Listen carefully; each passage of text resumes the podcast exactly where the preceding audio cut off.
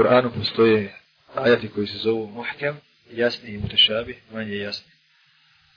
Tako će nas buniti kad čujemo na početku sura ili unutar sura, kada Allah tabarak tada kaže i mi smo, i mi spuštamo kišu i tako dalje.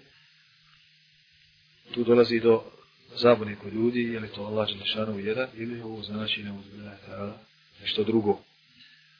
To je nejasni ajet, ne znamo tačno, odnosno možemo u njemu da, da nam se ne otkrije, da, da bude nešto u njemu nejasno. A postoji drugi kojim se tumači ovi nejasni ajete, to je muhkem, odnosno jasni ajet. Po ovom pitanju, recimo, ajet kul hu Allahu ahad, recimo on Allah Đelšanuhu je jedan.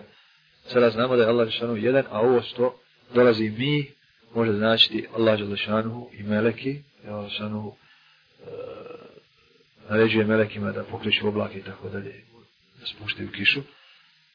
A može i da Allah Đelešanuhu sam za sebe kaže mi zbog njegove veličine i njegove dostojanstva. Također i u prisutstvu Allahu wa tabaraka wa ta'ala postoje tu ajeti muhkem i mutešabih. Muhkem su ajeti koji jasno upućuju, recimo Ar-Rahmanu al-Aši stava, amintu man fis sama, jeste li siguran da onoga koji je na nebesima ili milostivi iznad Arša se uzdigao, to su ajeti jasni koji upućuju Allahu wa prisustvo iznad nebesa, odnosno nad Aršom. A postoje mutešabi, kao što je ovaj koji je pitao brat, da je Allah Želešanu bliži nama od žile kucavice ili da je Allah blizu i tako dalje. Ovo je sada mutešabi, može da bude Allahu prisustvo znači poznato, međutim kako mutešabi?